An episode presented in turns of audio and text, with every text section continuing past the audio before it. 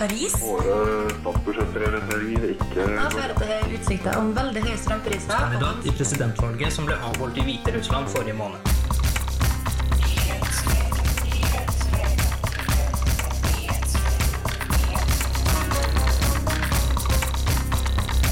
Nyhetsfredag.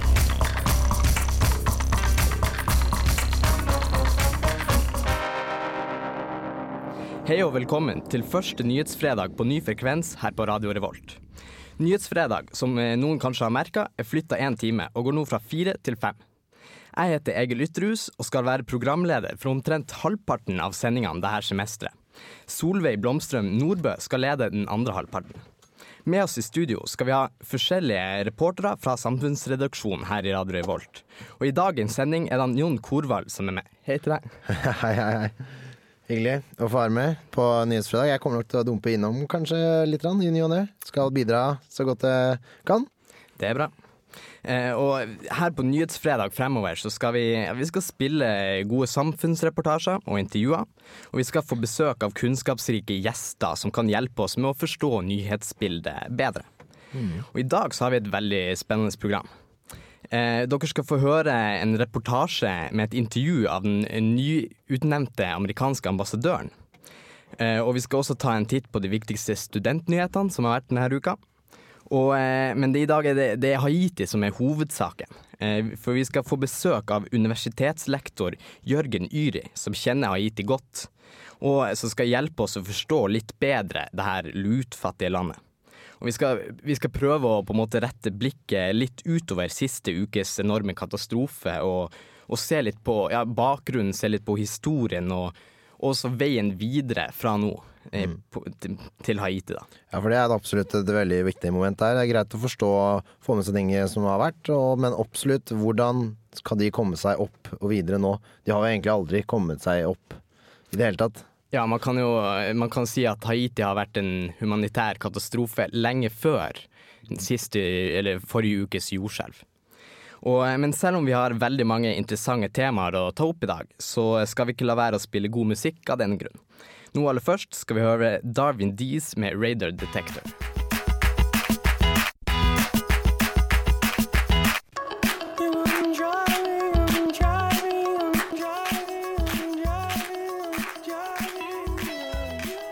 På Radio Revolt, studentradioen i Trondheim.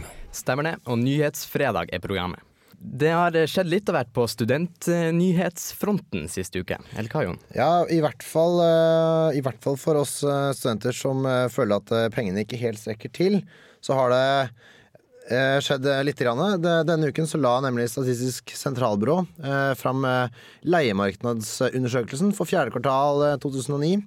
Eh, og gjennomsnittsleien eh, ligger da på 5444 kroner. Samlet med, lignet med samme kvartal i fjor på mm, 5164 kroner. Det er altså da, har eh, leiemarkedet økt med 6,2% på et år. Og det beror jo beram, Nei, det er helt eh, dårlige ord. Det rammer jo også studentene, som selvfølgelig veldig mange av studentene leier jo.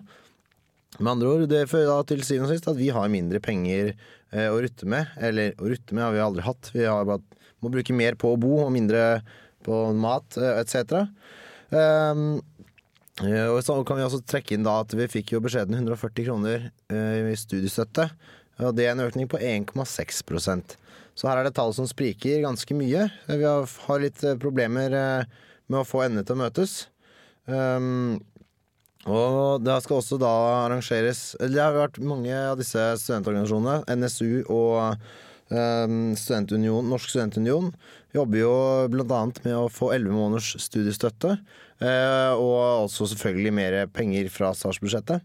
Ja, det skal, da vil jeg bare legge til at det skal arrangeres en eh, sånn protesttog eh, for elleve 11 måneders studiestøtte som skal finne sted i Trondheim eh, 10. mars.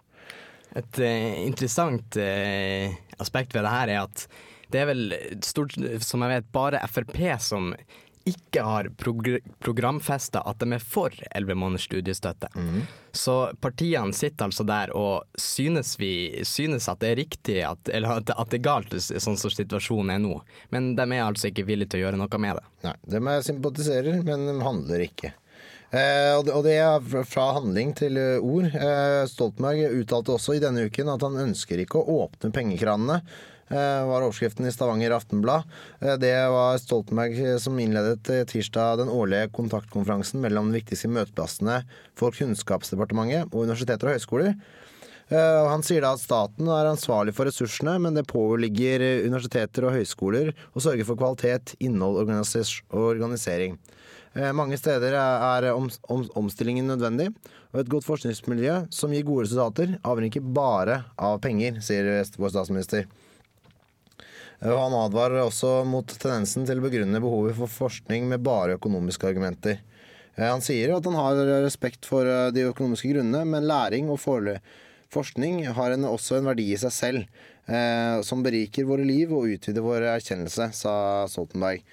Um, han understreker også at bevilgningene til forskning må ses i lys av en samlet verdiskapning i samfunnet, eh, med tanke på um, eh, forsk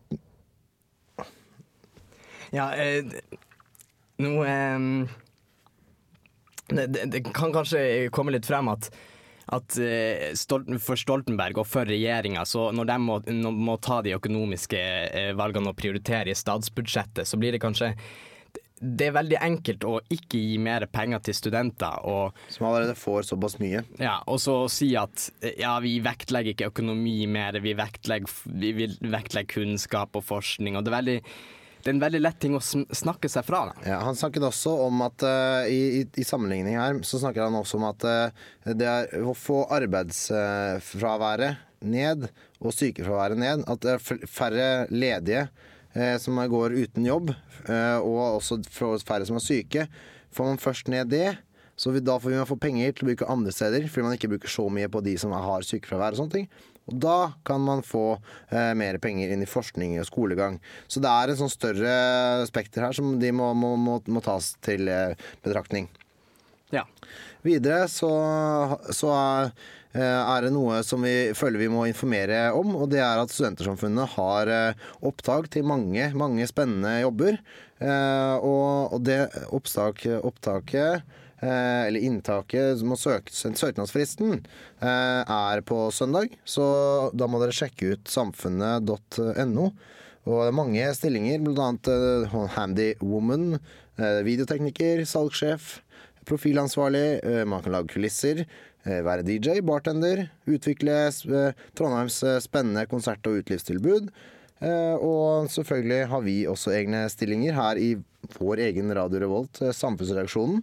Eh, vet ikke, Kanskje du ville hatt en medhjelper i Nyhetsfredag? ja, absolutt. Jeg trenger nyhetsreportere som lager, og samfunnsreportere som lager gode saker, og som har lyst til å være med og gjøre Nyhetsfredag til et flott program. Yes, så Da har vi jo sendt vår oppfordring til det. Ja, og da tror jeg vi spiller litt mer god musikk. Medina Green featuring Mas Deef med Party Done. Party done when Medina Army come, every process start run. We got the true phenomenon. Oh, you mad, Mr. Moon, but was amongst the stars? Den nyutnevnte amerikanske ambassadøren Barry White var i Trondheim mandag 18. januar og holdt en gjesteforelesning på Dragvoll.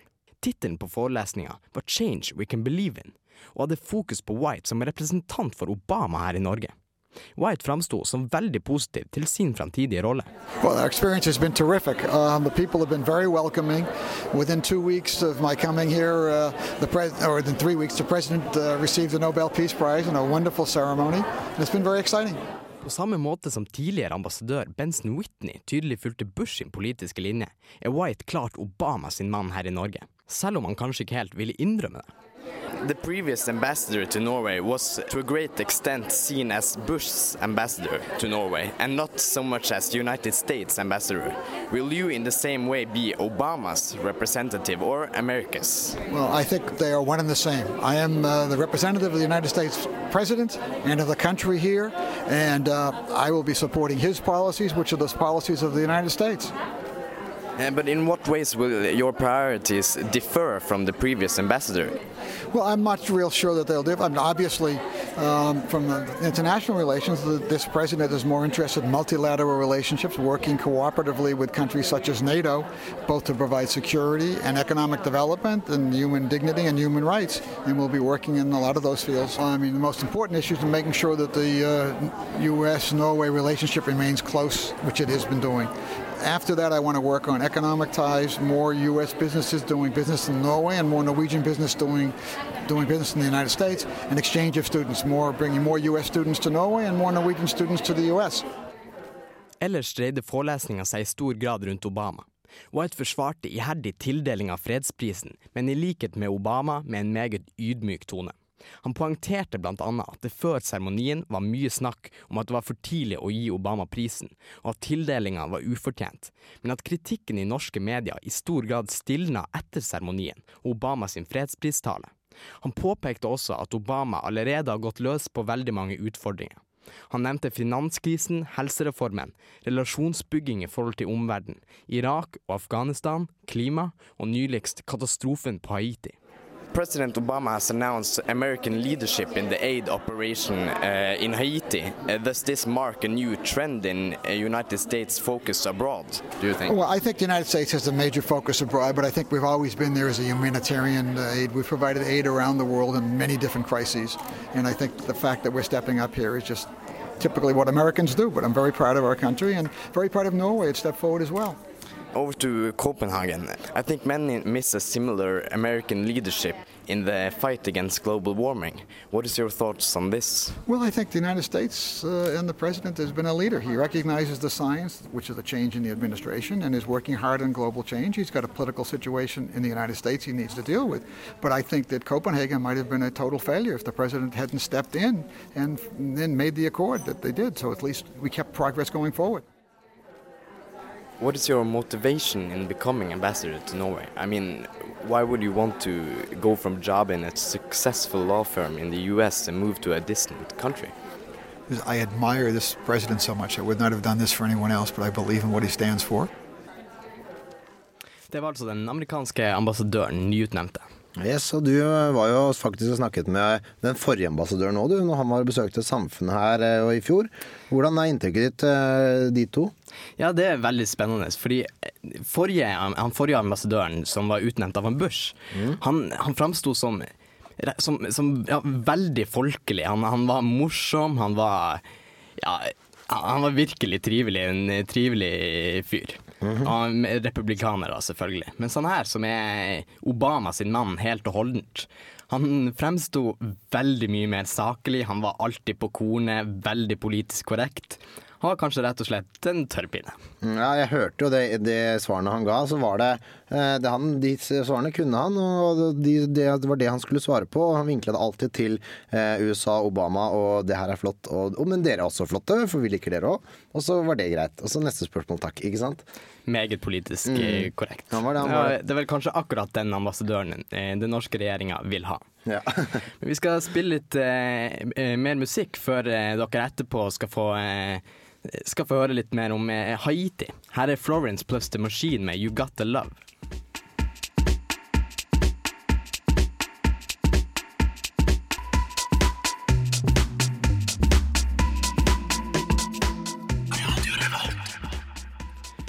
Da skal vi prøve å sette fokuset på Haiti, og vi skal, eh, ja, vi skal prøve å lære å, forstå litt, litt mer om det her landet og enn bare den der forferdelige katastrofen som ramma Haiti i forrige uke.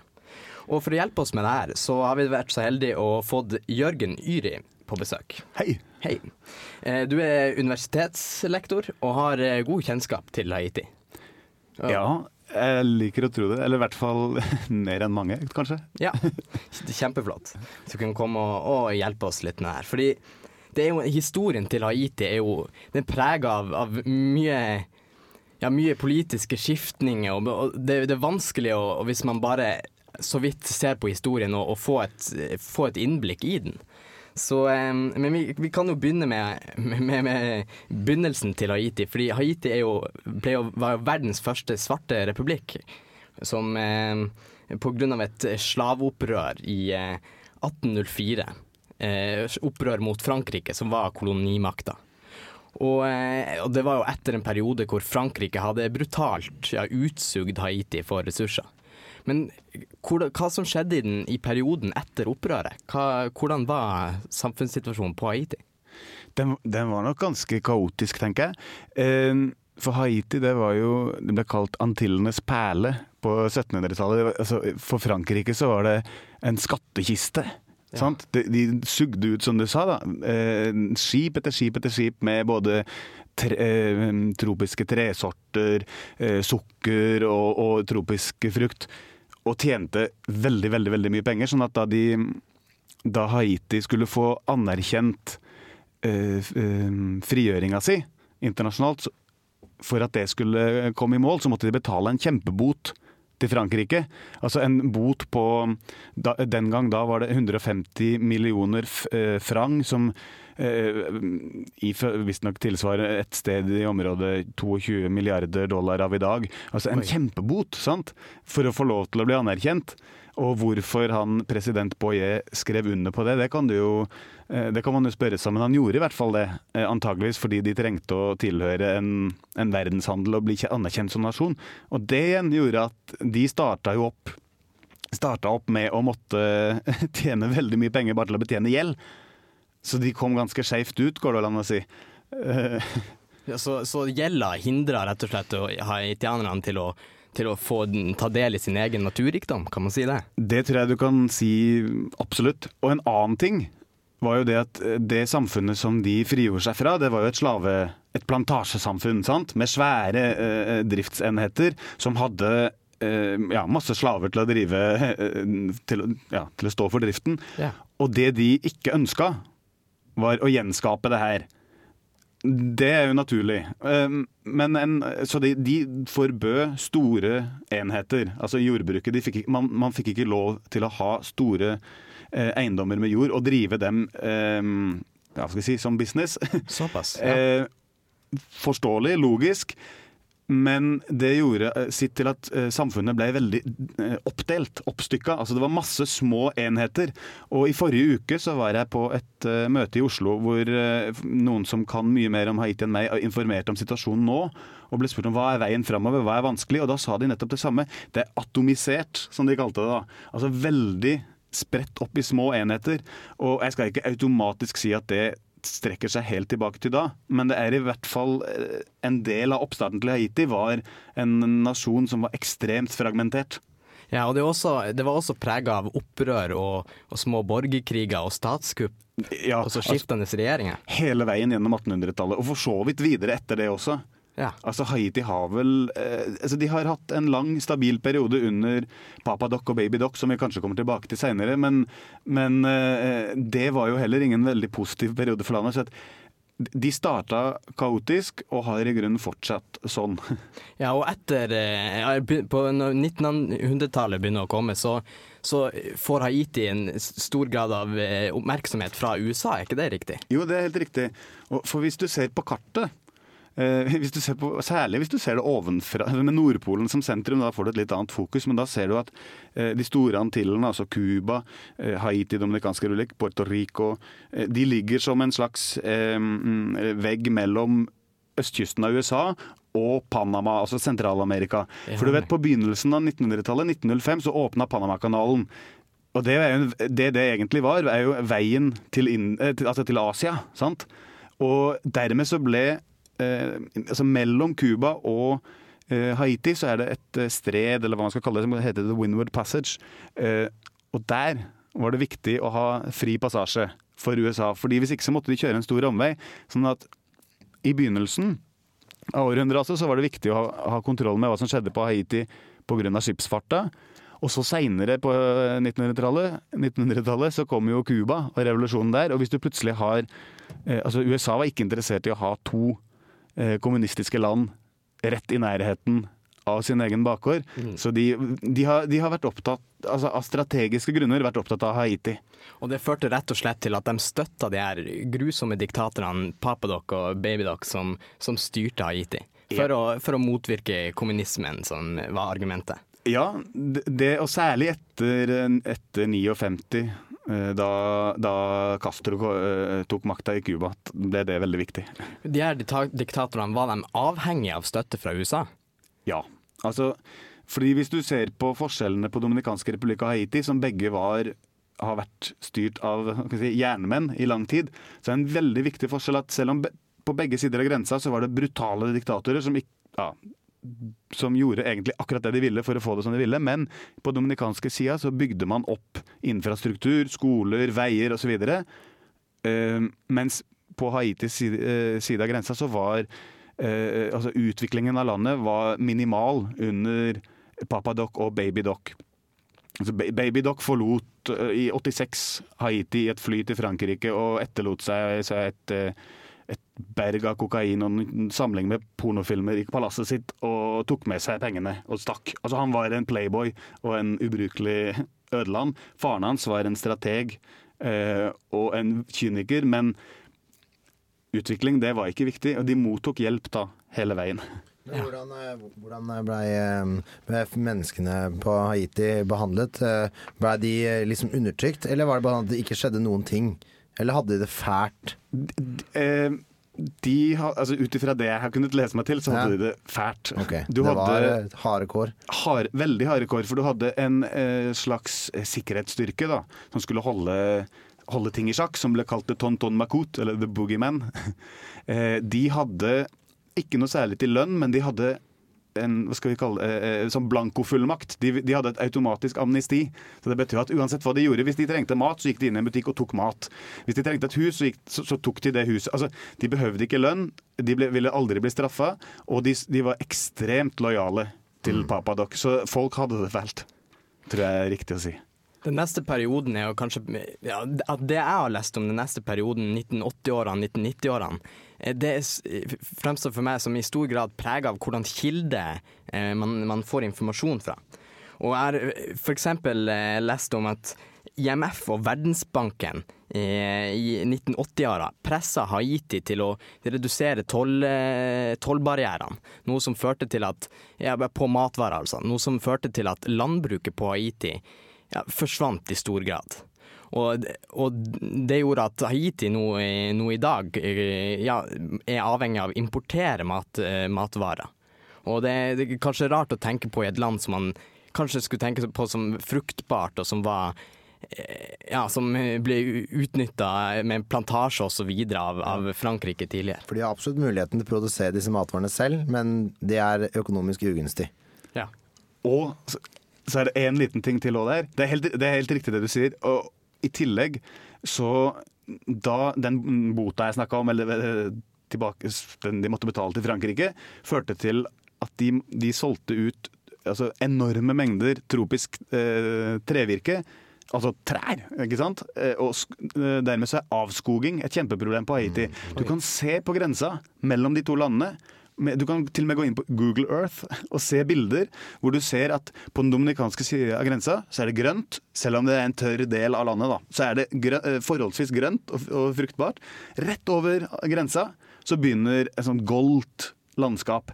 Eh, og det gjør også at det er vanskelig for dem å dyrke maten sin sjøl. Så det er både det du sier med toll, tollbarrierene og eh, avskoging og erosjon. Mm. Og konsekvensene er at småbønder i, i stor grad ikke, ikke klarer å forsyne seg sjøl engang, og må flytte inn til byen. Og det er kanskje opphavet, eller en del av opphavet til den vanvittige folketettheten som var i Port-au-Prince, og som gjorde at, hoved, at, eh, at konsekvensene av katastrofen var så, var så stor.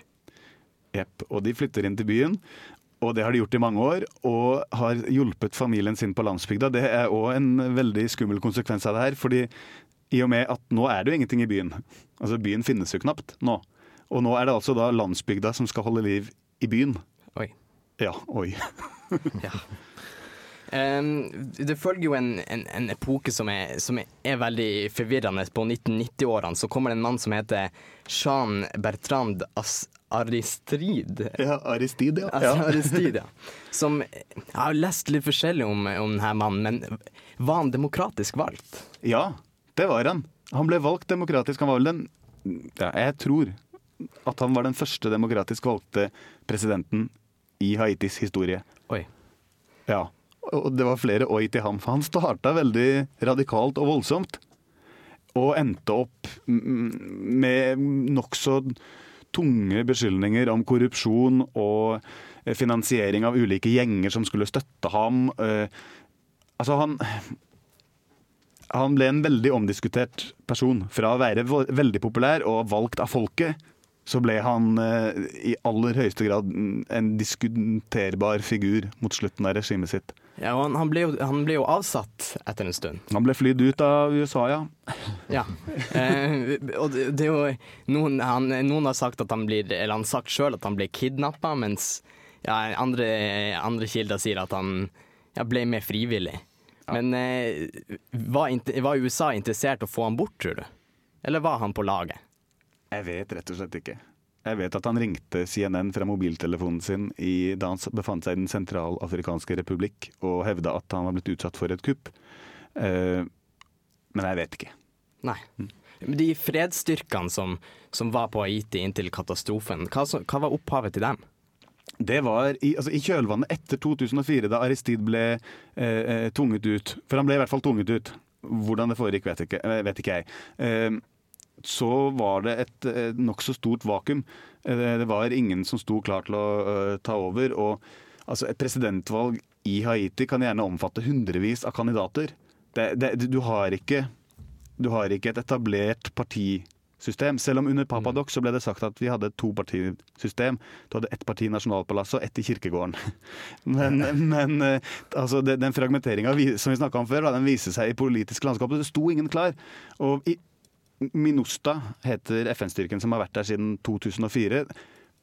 De skal visstnok uh, ha utretta sammen med president Preval, som ble valgt ja, et par år senere. De skal i hvert fall ha fått uh, skapt en viss grad av orden. Og en viss grad av sikkerhet for innbyggerne, uten å ha utretta nødvendigvis så veldig mye mer.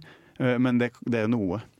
Ja, eh, altså haitiske, haitianske historien den er prega av politisk ustabilitet, forferdelige økonomiske forhold og ja, en sammenhengende hum humanitær katastrofe. Kan man ikke si det? Jo, det tror jeg vi kan si. Ja, Da tror jeg vi må eh, slappe av med en sang. Her er The Grouch med 'The Dangers of Online Dating'. Isn't it nice to have a computer that will talk to you? The internet, the internet, the internet, the internet, the internet hadn't been invented yet. So you were still discovering the dangers of online dating. Careful now. Careful now. Nyhetsfredag. Du hører på Nyhetsfredag. Temaet er Haiti, og med oss i studio er Jørgen Yri. Um, vi har sett litt på historien på, eh, til Haiti, og, og noe, av det, noe av det veldig spesielle med Haiti er kanskje det at øya som Haiti ligger på, er delt. Ja, den er jo det. Det er to land der. Eh, det er ikke så mange øyer som har det. Eh, og det, er også et av de største velstandsskillene i verden. Den grensa eh, representerer sånn en avgrunn. På den ene sida Haiti og den andre sida Dominikansk republikk. Det er Mexico USA har det samme, Norge Russland har det samme. Men det er veldig, som regel så er landegrenser ikke så dramatiske, da. Um, så ja. Hva var det historiske opphavet til det her skillet? Nei, Det var vel at eh, spanjolene tok østsida og, og var ikke så opptatt av den, for de fant gull på fastlandet senere. Eh, dermed så ble vestsida av øya liggende mer eller mindre brakk. Og så har du Tortuga, en sånn senere berømt piratøy, som ligger like nord for eh, vestsida av Haiti. Eh, der eh, franskmenn, nederlendere, engelskmenn slo seg ned og drev både piratdrift og tok sakte over vestsida. Og så ble det rett og slett Så har det veksla. Spania har hatt hele øya, Frankrike har hatt hele øya, og så til slutt så ble det som det er. Men Haiti klarte altså å rive seg, rive seg løs fra Frankrike, men Den dominikanske republikk gjorde det ikke? Nei, det, fra Spania? Ja, nei, tvert imot. De klamra seg fast i Spania. Og eh, fortsatt så kan du finne folk der som er, ikke så mange riktignok, men som er beske over måten de ble behandla av Spania på. Um, men iallfall um, de, skal vi se Jo, de, de, de regner sin egen Altså dominikanerne regner løsrivelsen sin fra Haiti. Ikke fra, ikke fra Spania. Altså Selv om de, de løsrev seg fra Spania, men det er ikke noe viktig for dem. Det foregikk med altså, en signatur på et papir. Det var ikke noe krig. Men mot Haiti derimot, det var 22 år med blod. Og det sier kanskje noe om forholdet, som har vært mellom de to landene, og som helt fram til nå til katastrofen? Ja, jeg tror det. Jeg tror det går så langt tilbake. Og jeg tror det går eh, via 1900-tallet to diktatorer der. Eh, vel, den ene en diktator, andre en slags halv-semidiktator. Eh, Trujillo Balaguer het de. Eh, jeg tror det går helt tilbake derfra fram til i dag. For det er den, sam, den, altså den regjeringa som nå den dominikanske regjeringa som nå har vist seg veldig solidarisk og stilt masse midler til hjelp. Eh, For det gjør de. Det er også den samme regjeringa som er ansvarlig for eh, jevnlige deportasjoner av haitiere tilbake til Haiti. Er, eh, de tillater systematisk misbruk av haitiere i Den dominikanske republikk. De ansetter eh, eh, titusenvis av haitiere til å bygge opp Dominikanske republikk for luselønn. Eh, de tillater lynsjinger. Altså, da mener jeg lynsjinger som i regelrett mobbdrap av haitiere langs grensa. Eh, det er den samme regjeringa som nå hjelper Haiti, og jeg, jeg tror begge deler er like ektefølt. Ja. Eh, Hva tror du å si det. Veien videre med forholdet mellom de her to landene, hva, hva tror du kommer til å skje? Det er jo ti millioner kroner spørsmålet. Og det som noen har påpekt, er at kanskje det her kan starte en ny tid de Mm. to landene imellom. Og det eh, kan jo skje. Altså, det, det er jo mulig. Eh, samtidig så er det blitt sagt at det er hardt å kjempe mot en fiende som har fortropper inni hodet ditt. Eh, altså det er, det er 150-200 år med fiendskap eh, som har blitt tungt støtta ovenfra i Den dominikanske republikk. Altså det har vært En viktig del av den dominikanske nasjonsbygginga har vært å vise til hva er det vi ikke er. Vi, er ikke, vi driver ikke med voodoo. Vi er ikke fra Afrika. Um, vi er ikke eksslaver. Ikke sant? Altså Du har bygd en nasjon på hva du ikke er, og den naboen, han er problemet. Det er rett og slett rasistiske holdninger i Den dominikanske republikk. Ja, eh, i hvert fall antihaitiske. Det er jo rasistiske også, men eh, kanskje viktigere enn enn rasespørsmål, så er det det antihaitiske. Det er ganske sterkt. Men det er jo òg massevis av dominikanere som ikke tenker sånn. Ja. Eh, Når det gjelder veien videre hva med dette landet, altså hvordan skal et sånt her land som ligger i ruiner etter en enorm katastrofe, og som attpåtil hadde ja, katastrofale farlige levevilkår før jordskjelvet, hvordan kan et sånt land bygges opp? Tror du det er mulig? Altså, det er jo veldig mye som er mulig. Eh, eh, så det, det kan, man kan jo aldri utelukke det. Eh, altså, en, Raúl Cedras het en diktator på Haiti 1991 til 1994. Han sa 'life in Haiti is worse than death', da han ble konfrontert med at haitiere skyller opp på Floridas strender. Hva syns du om det som leder for landet? Det var svaret hans til det. Og da var det jo mye bedre enn nå. Så eh, du kan si at det kan nok altså, Hvis det er noe historien har lært Haiti, så er det at det kan alltid bli verre. Men jeg vet ikke. Altså, det er klart, det, det må jo gå an. Ja, det, det, ne- det, blir litt, det blir nesten litt absurd å si det, men kan det være at katastrofen kan være en mulighet for forandring? Ja, det tror jeg. Altså, når til og med presidentpalasset raser ned når, altså, det, det er ikke bare de fattiges hus som raser. Alt virker å ha rast der borte. Eh, så de må jo bygge opp på nytt. Spørsmålet er jo hvor mye får haitierne lov til å være med på det her? Altså hvor mye Er, er, er det amerikanske soldater eller arkitekter som skal bygge opp det landet? For det er titusenvis av soldater der nå, og det er sikkert riktig at det er de som kan best bringe ut vann og mat og sånn, men hvem er det som blir værende der etterpå? Et annet spørsmål også kan jo være at um, vil haitierne, de få seg er igjen, være der? Eller vil de prøve å komme seg andre steder? Ja, det er et eh, Jeg vil jo anta at veldig mange vil reise ut, for Haiti har hatt Det har òg vært et stort problem for Haiti. Folk som har utdanning, reiser. Så det er massevis. Altså, du tar et eksempel på Canada nå, var lynkjapt ute med å hjelpe Haiti. Det er sikkert humanitære grunner til det, men det er også politiske grunner, for det er så mange haitiere med stemmerett i Quebec at det ville være politisk veldig eh, risky business å ikke hjelpe Haiti. Sånn at de befinner seg de er Tannleger, advokater, eh, drosjesjåfører, eh, altså alt mulig rart. Alle andre steder enn på Haiti. Så antakeligvis vil veldig mange ønske seg vekk, nå også. Men det kan jo være veldig vanskelig akkurat nå.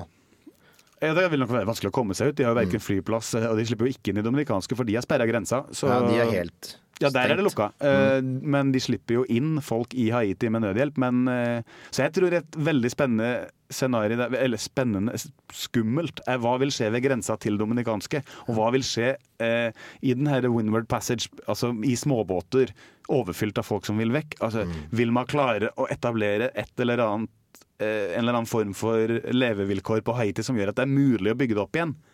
Og får haitierne sjøl være med på det? Det er vel viktige spørsmål, tror jeg. Ønsker de også å være med på å bygge opp landet sitt? Er det såpass sterk nasjonalfølelse der? Det vet jeg ikke. Rett og slett. Eh, man, man kan jo si at eh, ja, fremtida til, til Haiti er ganske avhengig av, av at oppmerksomheten fra, fra internasjonale medier ikke forsvinner, sånn at de økonomiske, eh, den økonomiske hjelpen ikke eh, forsvinner. For det var jo sånn at før katastrofen så var Haiti helt avhengig av bistand. Og etter katastrofen, ja, det er jo naturligvis en økonomi i, i ruiner. Men, eh, og så har vi, vi ser bilder på, på internett og på fjernsyn om, om vold og om, om kaotiske eh, tilstander. Og tror du det er sannsynlig at, at denne volden og uroen som finnes i dag, og som vi ser i dag, eskalerer? Kan det bli, kan det bli, kan det bli nærmest et opprør mot, mot de styrkene USA sender inn? Er det Ja, altså det, det kan skje. Men det vil jo antageligvis avhenge av hvor, hvilken funksjon får de styrkene. Altså, vil det bli styr, eh, altså, nå er det opprør og opptøyer, leser vi om eh, enkelte steder. Eh, men hvis disse styrkene klarer å bringe ut vann og mat og, og telt, eller hva det er de har med seg, tepper, så vil de vel kunne, mm, kunne aksepteres, skulle en tru. At det ikke nødvendigvis Det må ikke eskalere ut i, i galskap. Det må ikke det. Det kan det. Ja, da eh, skal vi fortsette praten etter å, eh, etter å ha fått en ny sang. Nå får dere Devendra Banhart med 'Baby'.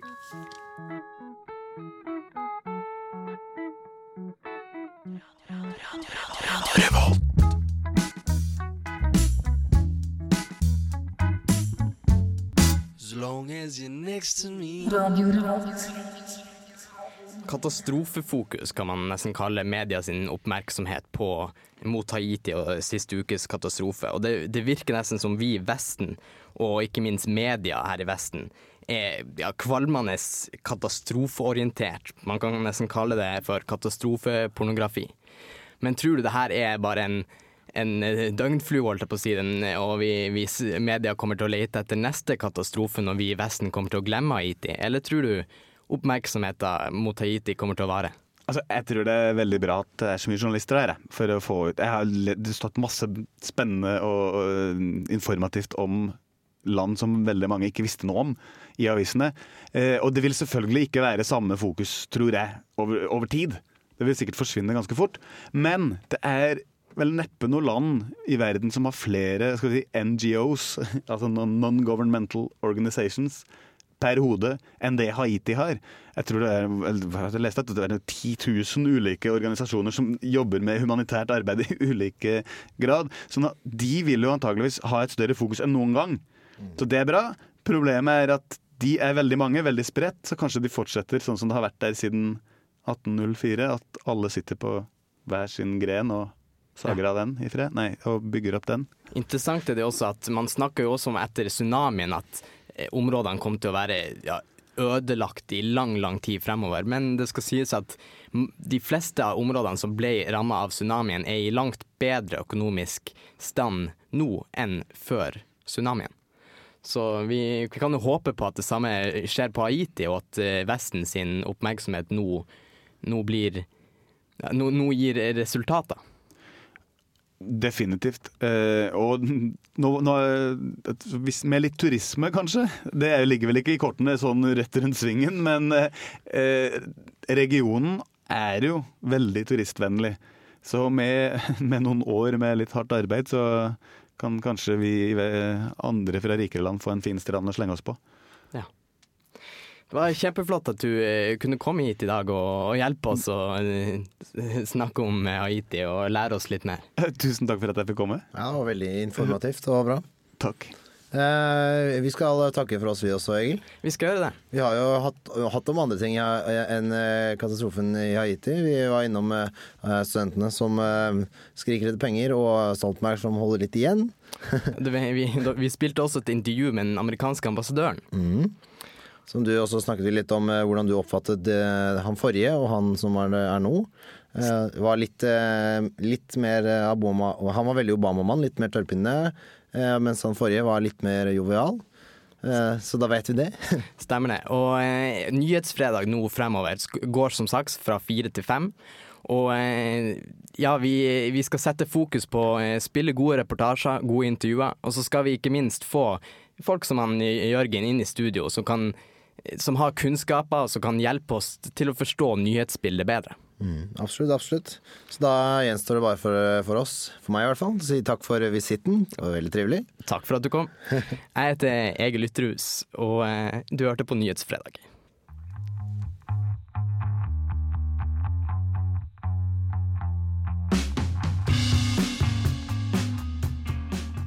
Nyhetsfredag. Du hører på Radio Revolt, studentradioen i Trondheim.